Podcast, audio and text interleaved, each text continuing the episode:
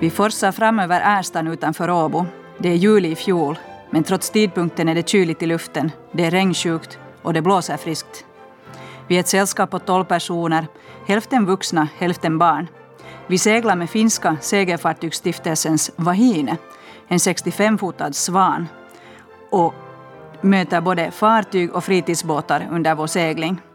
Vahine seglar bra, särskilt i hård vind, och det råder god och förväntansfull stämning ombord. Hela gänget har träffats för första gången bara några timmar tidigare då vi startat från Åbo. Ja, undrar ni kanske, är det något speciellt med allt detta? Den tolvåriga flickan som styr vårt fartyg är synskadad. Jag heter Pia Jakobsson och jag är sommarpratare idag. Jag jobbar som domare, men mitt sommarprat kommer inte att kretsa kring det jag jobbar med, utan kring föreningar, föreningsliv, om att vara föreningsaktiv och vad det betytt för mig. Det kommer att handla om sailträning, om kampsporter och vart mina hobbyn fört mig. Och också om hur viktigt det är att till exempel synskadade får testa på segling. Jag önskar att jag kan inspirera er lyssnare till att fundera kring föreningsliv, skaffa en ny hobby eller bara förundras över vad allt jag sysslar med. Låtarna jag har valt utgör en härlig blandning av vad jag tycker om med en viss betoning på samtida nordisk musik. Vi börjar med Annika Norlins, eller under artistnamnet Säkerts låt Snusa. Luta er tillbaka i sommarfåtöljen eller syssla med något medans. Nu kör vi! Vi börjar likväl lite försiktigt, ett mjukt uppvak om du ännu inte riktigt vaknat och slagit på sändningen precis just.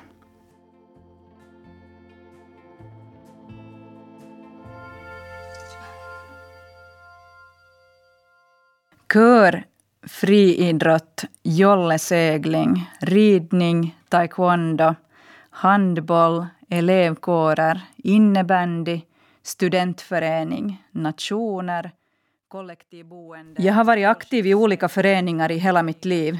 Jag är nyss 40 år fyllda och jag minns inte längre vilken förening som var min första. Jag växte upp i Borgo och redan i barndomen sysslade jag med aktiviteter i föreningsform. Första hobbyerna var visst församlingens barnkör, jollesegling, friidrott och som för så många andra unga tjejer, ridning. I ungdomen ökade möjligheterna och intressena betydligt. Åtminstone taekwondo och handboll kom till. Jag vet inte riktigt hur jag lyckades kombinera den mängd hobbyn jag hade med gymnasiestudierna. Jag behövde visst inte anstränga mig så, så fasligt mycket. Jag satt i min första föreningsstyrelse redan under gymnasietiden. Under studietiden krävde studierna lite mera tiden än, än dittills. Jag studerade först till Politias magister, examen vid Åbo Akademi och senare även till jurist. Men ändå fanns det tid för studentförening, för innebandy, cirkelträning, capoeira och så vidare. För sisådär tio år sedan gick flyttlasset till Åland. På grund av flytten fick jag ju tänka om återigen, hitta något nytt att syssla med. Jag var inte sen med att som nyinflyttad direkt gå en mediskurs i smide som jag lite avundsjukt hade tidigare noterat fanns här i utbudet, men så vitt jag hade kollat ingen annanstans i övriga landet. Så här i vuxen ålder så har jag fortfarande en massa hobbyn kvar. En del mera på tankenivå, ja, det skulle vara roligt att ta upp det där igen. Eller mera aktivt utövande på vecko eller månadsbasis. I stora hela så kan det summeras upp för min del i konst, hantverk, idrott i olika former och segling.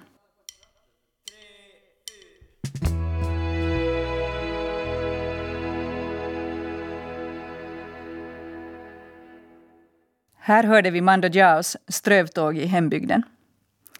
Jag önskar att alla människor kunde hitta en hobby de kan sysselsätta sig med och finna glädje i. Av sekundär betydelse är sen vad hobbyn går ut på. Många i min ålder börjar intressera sig för trädgårdsskötsel, skaffa sig en kolonilott eller försöka tappert på hemmatomten eller balkongen. Och visst ger det en otrolig tillfredsställelse att se något gro från frö som man själv har skött om.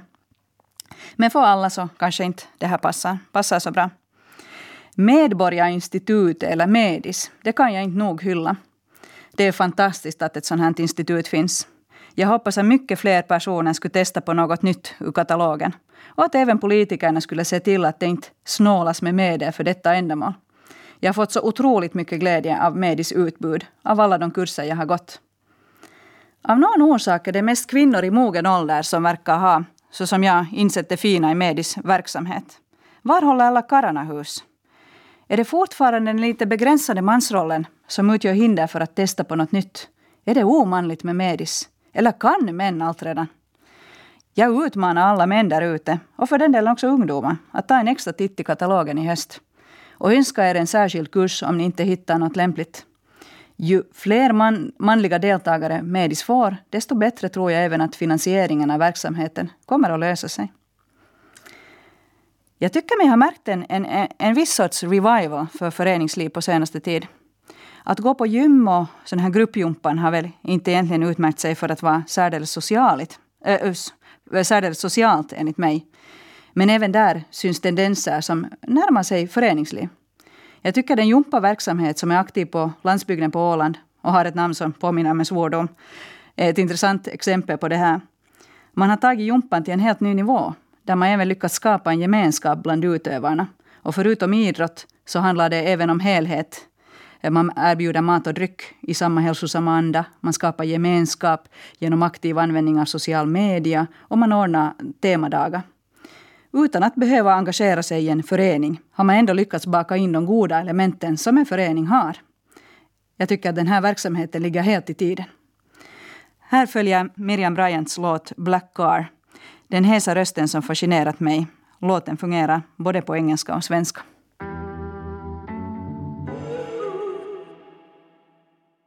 Att vara aktiv inom föreningar förutom som utövare och hobbyn eller aktiviteten, är en sak. En annan sak är att även aktivera sig i styrelsearbete eller dylikt. Jag är ju ingalunda ensam i att ha snöat in på föreningar och hobbyn på det här viset. Det finns otaliga, gamla som unga, som ställer upp ideellt på likadant vis. Finland, Åland, ja hela Norden känns som ett väldigt föreningstätt område Nyinflyttad på Åland blev jag glatt överraskad då jag bekantade mig med Mariehamns hemsida och läste igenom hela listan på samtliga föreningar som verkade i staden.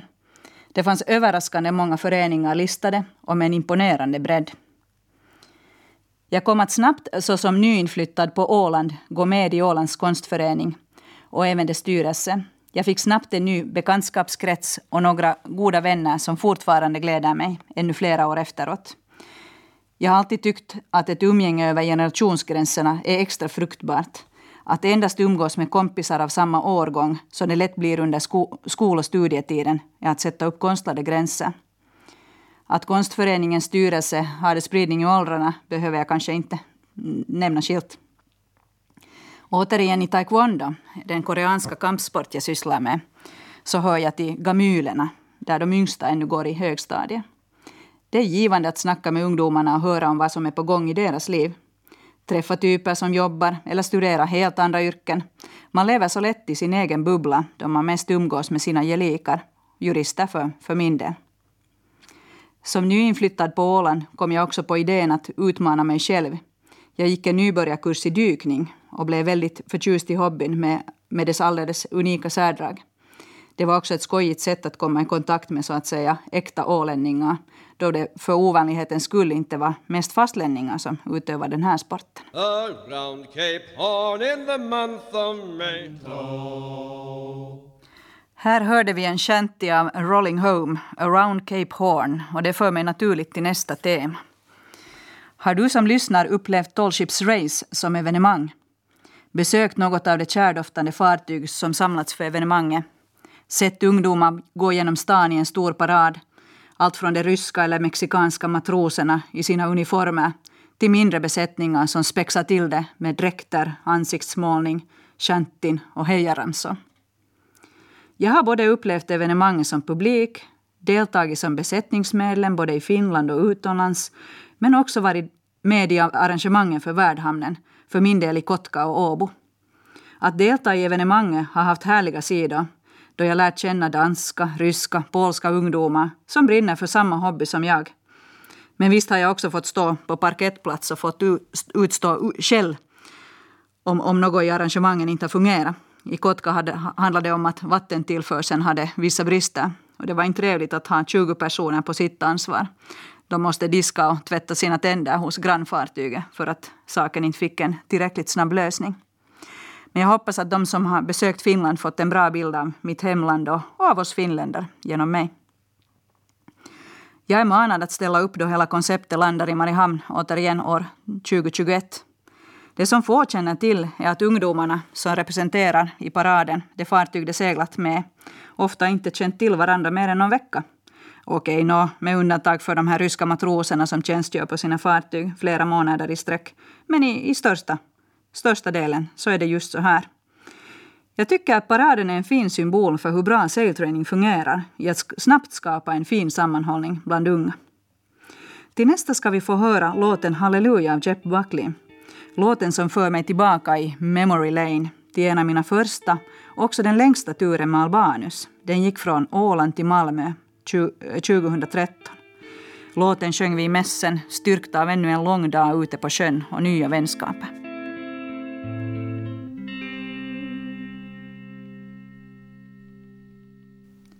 Sägträning det är ett verkligen intressant koncept. Det har i princip samma innebörd var det än utövas i världen. Man fyller ett segelfartyg med allt från några stycken till hundratals ungdomar med ofta ingen eller endast begränsad seglingserfarenhet för en tur på några dagar eller upp till flera veckor.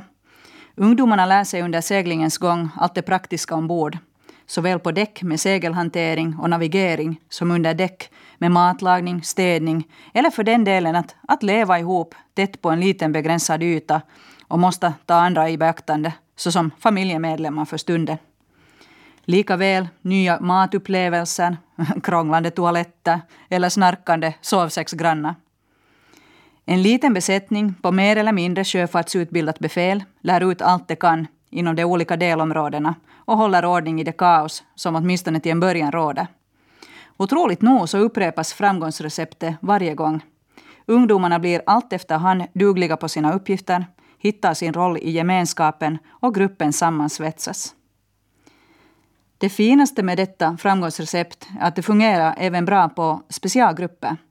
Det ordnas seglingar med språkbad som tema och seglingar för ungdomar med utmaningar. Endera sådana unga som tampas med sociala problem eller sådana med ett eh, handikapp. Seglingar för både syn och hörselskadade har varit väldigt lyckade både för grupperna och för de i besättningen som fått upp ögonen för hur livet ter sig som inom citationstecken för dem som är annorlunda. Jag antar att seglingsmiljön är extra lämpad för dylikt. Man är utlämnad i viss mån för naturens krafter. Man kan inte ge upp och dra vid första motgång. Och man tampas ofta gemensamt mot både rädslor, sjösjuka och längtar tillsammans med de andra till närmaste, närmaste och nästa varma dusch eller godisutbudet i nästa hamn. All spänning släpper i hamnen och river ytterligare murar mellan deltagarna. Jag börjar mitt sommarprat med mitt minne från seglatsen på Ärstan med synskadade unga. Att en synskadad får vara del i en besättning där det inte blir avgörande hurdant handikapp du har och, inte, att, och att det inte definierar dig som person utan att du är, du är den som är flitig på att skota repen eller en hejare på att skala potatis.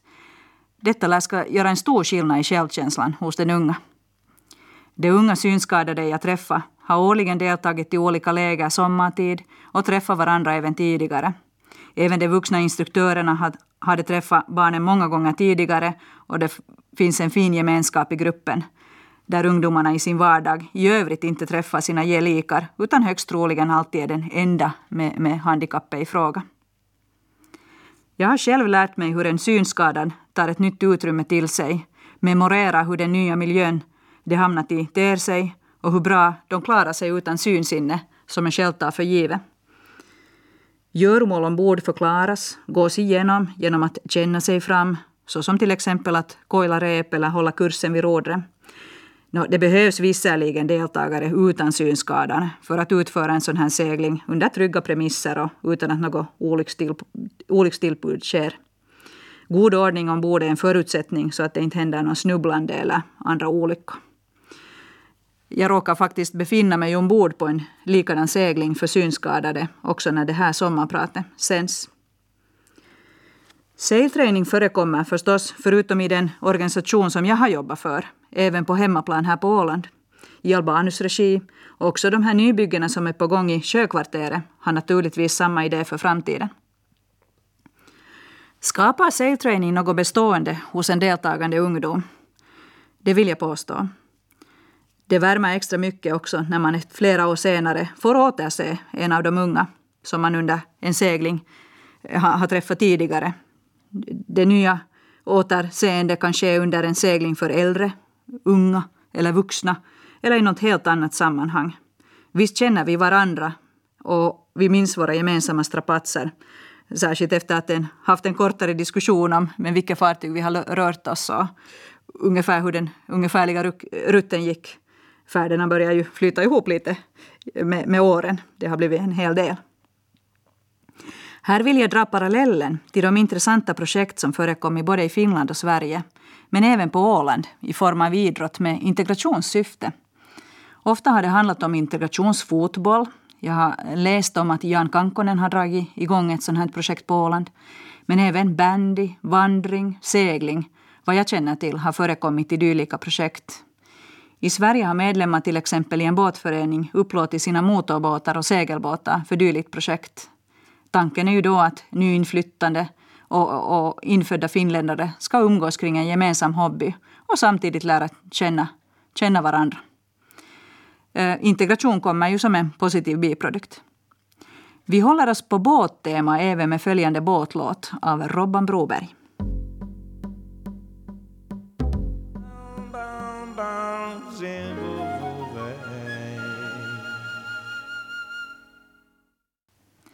Det är mitt i natten på Östersjön i september år 2004. Jag befinner mig ombord Segelfartygsstiftelsens fartyg Helena och det blåser på ett sätt som inte är särdeles bekvämt eller inbjudande. Jag blir väckt av stambesättningen så ger mig orden att ringa upp rysk lots som vi behöver för att komma in i hamn till Sankt Petersburg. Hoppsan! Jag hade inte ombetts göra det här tidigare, men jag hade mina aningar. Som tur var så hade jag packat ner Bibbans ordbok, svenska-ryska.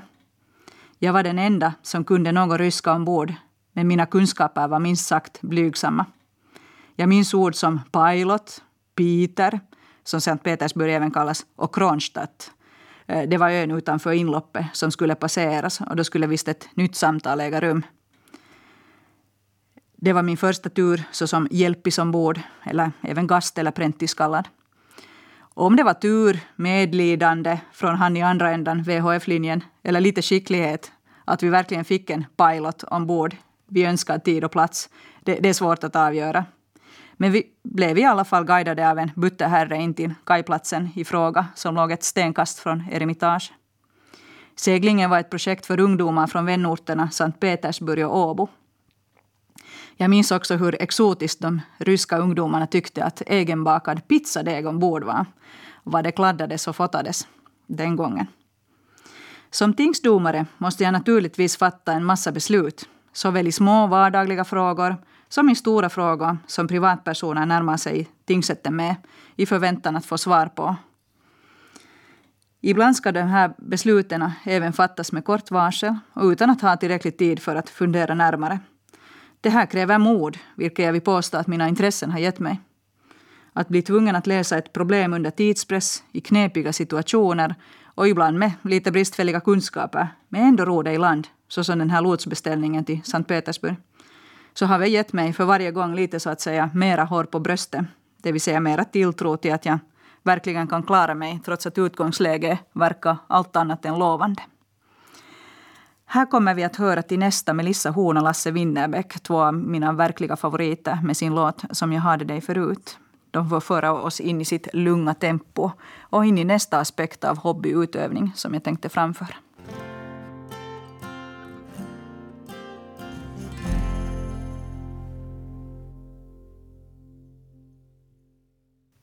Har tålamod blivit något av en bristvara?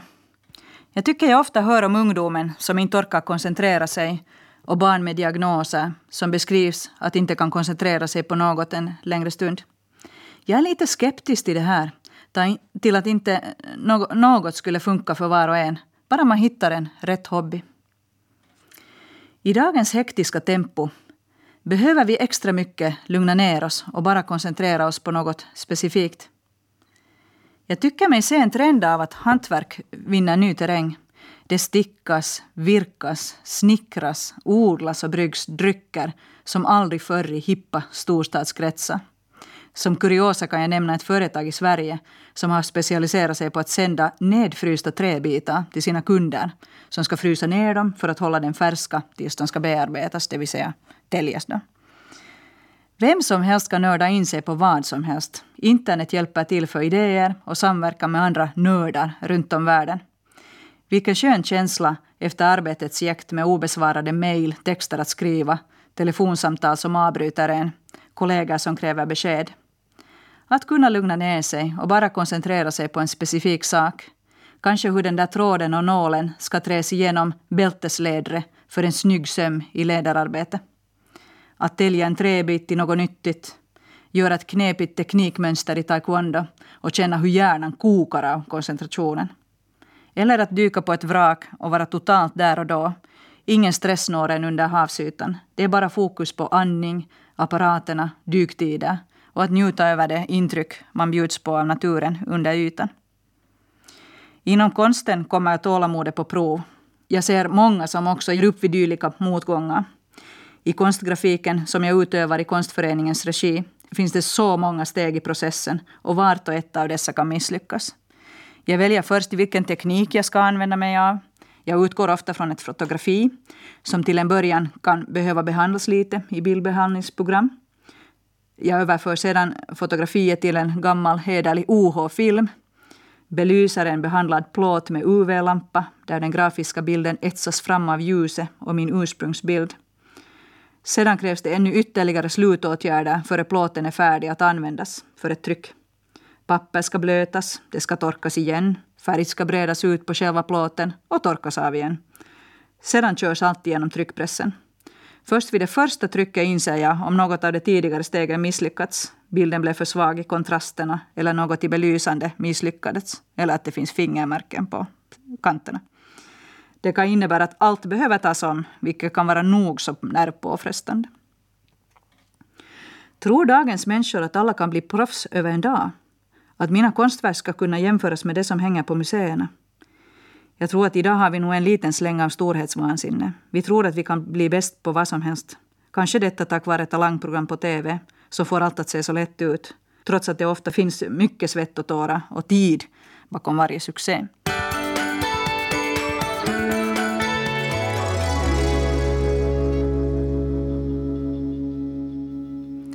Där hörde vi Uno Svenningsson med Vågorna. Jag blev särskilt bekant med honom igen en gång via programmet Så mycket bättre. Sabina Dumba gör också en väldigt fin variant av den. Jag har för mig att en bidragande orsak till att jag började intressera mig för juridikstudier var de diskussioner jag fick vara del, delaktig i i en instruktörsutbildning inom taekwondo. Inom kampsport är det viktigt att även tänka på konsekvenserna av att man lär sig skada andra människor på ett mer eller mindre effektivt sätt. Och diskussionen gick in på strafflagens bestämmelser om brott och straff och också nödvärn. Termer jag knappt hade hört om i min ålder av 16 år, men minns att jag blev fascinerad av det jag hörde. Särskilt av att det tydligen även kunde ifrågasättas om huruvida lagtolkningarna var korrekta, om gränsen för straffansvar satt på rätt nivå och så vidare. Som ung trodde jag väl att det var ganska så svartvitt att det var helt klart huruvida ett brott begåtts eller inte och med ett tabellenligt straff som påföljd.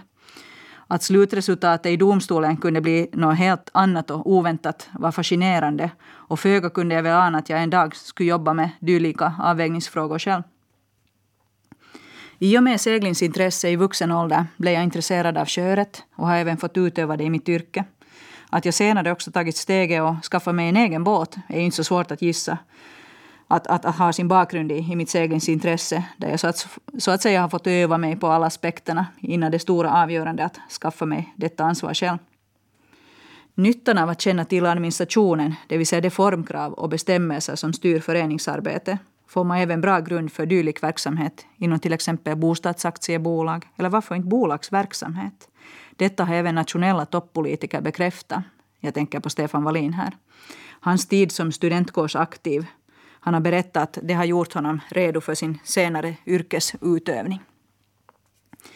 Nyttan med hobbyn har även för mig inneburit att jag kunnat vara internationell på hemmaplan.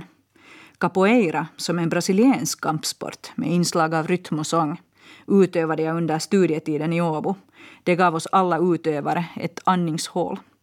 Från det gråa slaskiga vädret och den finska mentaliteten så gjorde vi ett snabbt men jättekliv in i rytmen som liknar snarast en sambakarneval och med deltagare från många olika länder, inte minst sydamerikanska länder. Träningarna gick på engelska och en hel del portugisiska snappade jag också upp under tidens gång. Vår huvudtränare hade nyss flyttat direkt från Brasilien för att börja dra träningar i Åbo. Följande låt är Follow Me Down med Poor Edward, ett band från Stavanger som jag har börjat tycka om också.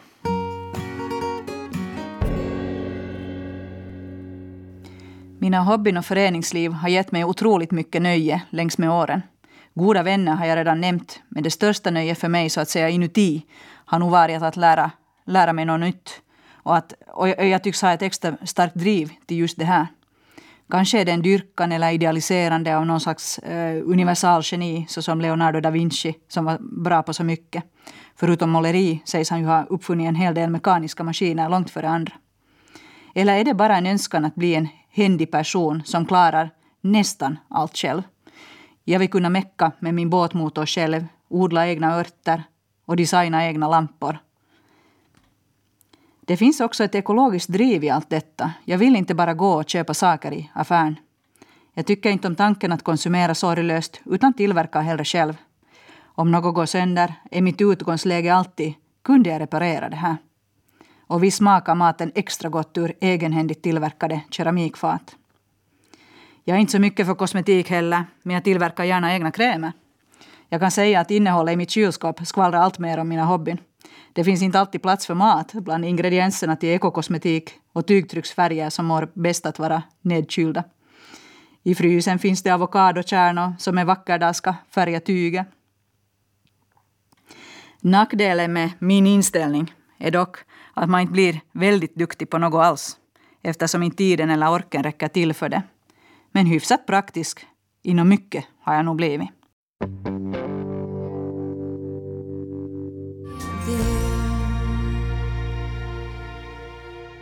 Där hörde vi Kajsa-Stina Åkerströms äh, låt Långt härifrån och det för oss naturligt in på nästa spår. För ett annat stort nöje med utgångspunkt i mitt föreningsliv har varit just de resor de har fört mig på. Jag har genom seglingsintresse lärt känna helt nya knutar av hemlandet, såsom flera skärgårdspärlor, som till exempel finska Utö eller fastländska Jurmo, men också Nystad där fartygen ofta var upptagna på dock. Därtill har jag seglat i Östersjön, Nordsjön, längs norska kusten, vid Svalbard, i Medelhavet och i Karibien samt vid Kanadas ostkust. Seglingen i sig är ganska likadan var man än befinner sig. Det är väl främst landlivet som avviker från varandra. Och klädseln. De väderförhållanden som rått för tillfället.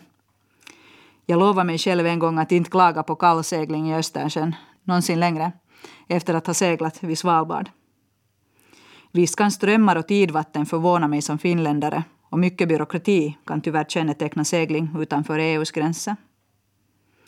Allt detta skulle inte ha skett utan mitt engagemang i Segerfartygsstiftelsens verksamhet. Jag hade inte kunnat gissa mig till vart min hobby skulle föra mig då jag i den där höststormen beställde lots till Sankt Petersburg.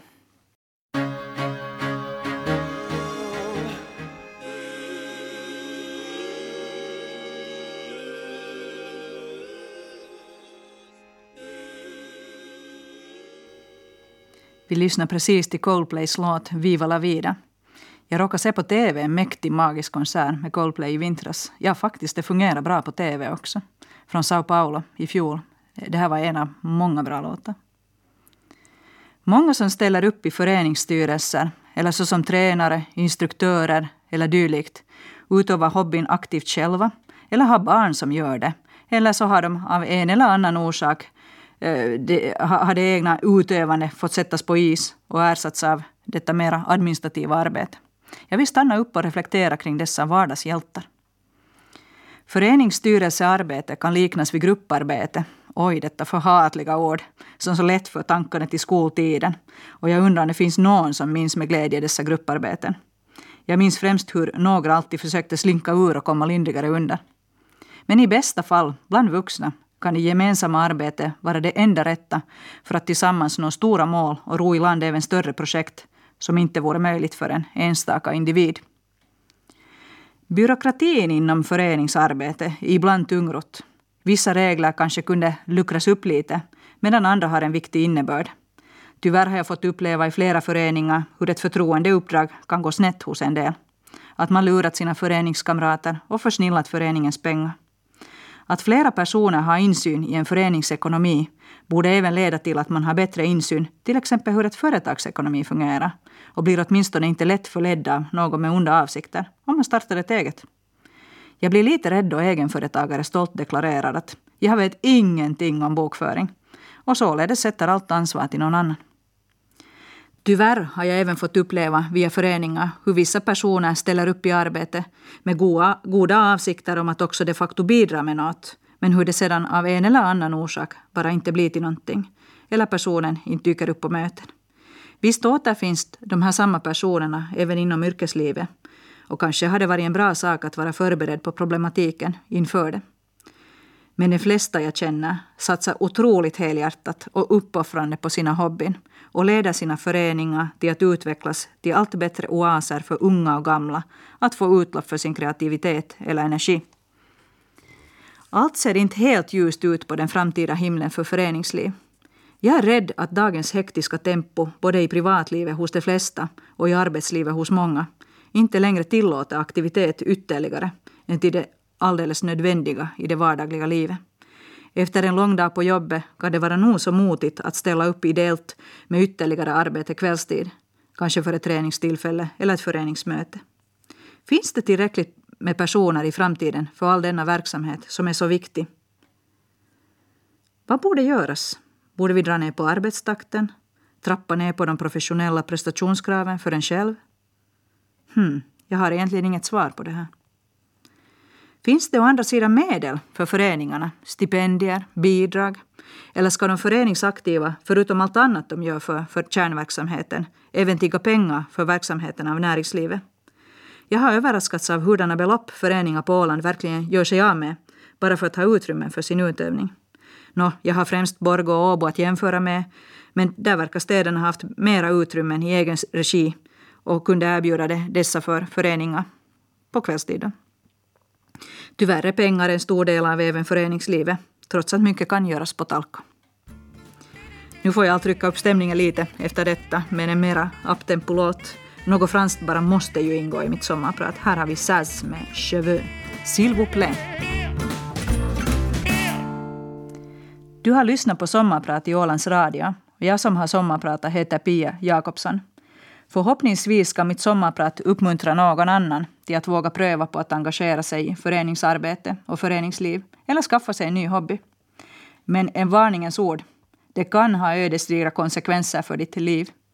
Jag har berättat om hur mitt yrkesval påverkats av hobbyn, hur vissa intressen blivit livslång passion som man inte bara kan lämna fast den tiden inte vill räcka till. Livslång vänskap har uppstått ur hobbygemenskap och min personlighet har formats av allt jag sysslar med. Skulle jag inte få slåss under organiserade former i en kampsportsklubb och få utlopp på det viset skulle jag antagligen vara betydligt jobbigare att umgås med. Så visst påverkas ens personlighet också. Här vill jag röra om i packen lite i vad gäller låtarna. Här kommer Avalanches med Frontier Psychiatrist.